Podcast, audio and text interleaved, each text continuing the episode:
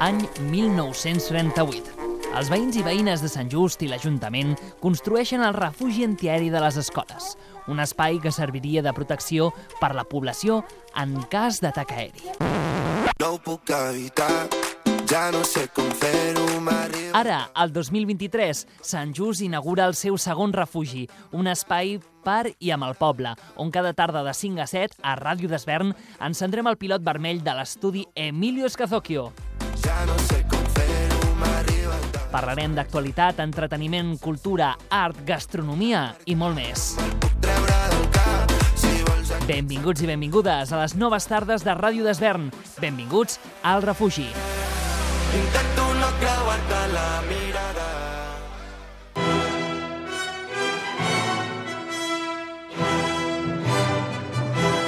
Amb tots vosaltres, veus de la parròquia. Compartim notícies, actualitat, experiències socials i espiritualitat. Ens pots escoltar dimecres a dos quarts de vuit del vespre amb repetició els dissabtes a dos quarts de dotze del matí. Veus de la parròquia.